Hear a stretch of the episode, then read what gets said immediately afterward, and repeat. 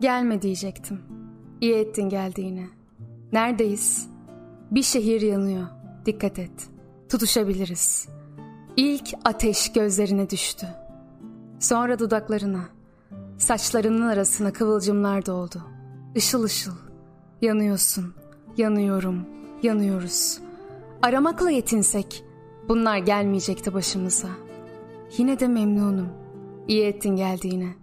Taş olup kalmaktansa ağaç olup yanmak iyi. Bir yangın nasıl oluyordu da hiç sönmeden yeniden yanmaya başlıyordu?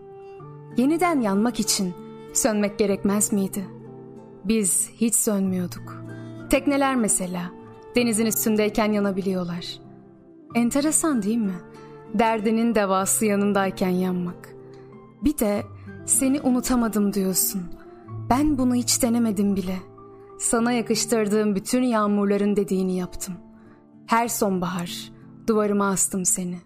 Adını yazdım düşen yaprakların üstüne. Seni unutmadım. Hiç denemedim bile. Yitik bir aşkı savunuyorum bu gece. Ateşi bilmeyen bir bebek gibi uzatıyorum resmini ellerimi bu gece. Seni sonsuza dek seveceğimi söyleyemem.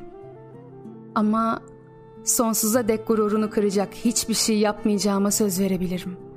Tuttuğum eli bırakmam. Anlatılan derdi ezberlesem bile dinlerim.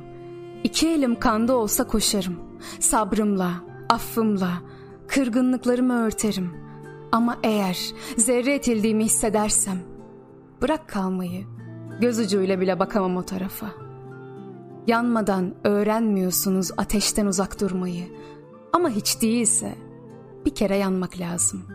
Ve solup gitmektense bence yanmak daha iyidir. Her insan bir gün yaprak gibi yere düşüyordu. Kimi zaman sararmış bir yaprak gibi. Kimi zaman haşin bir rüzgarla yere inen taze, yeşil yapraklar gibi. Şu ışıklar gibi olmak lazım. Her yeri aydınlatamayacağını bildiğin halde sevgiyle yine de yanmak lazım.''